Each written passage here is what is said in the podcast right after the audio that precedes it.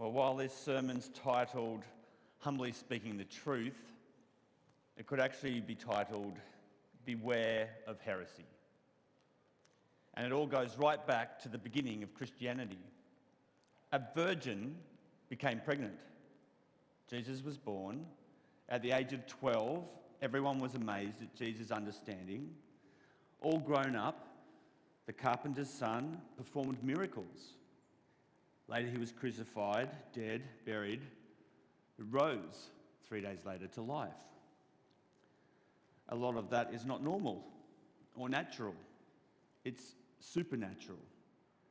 So we try to explain it away, or by faith, we believe based on the evidence.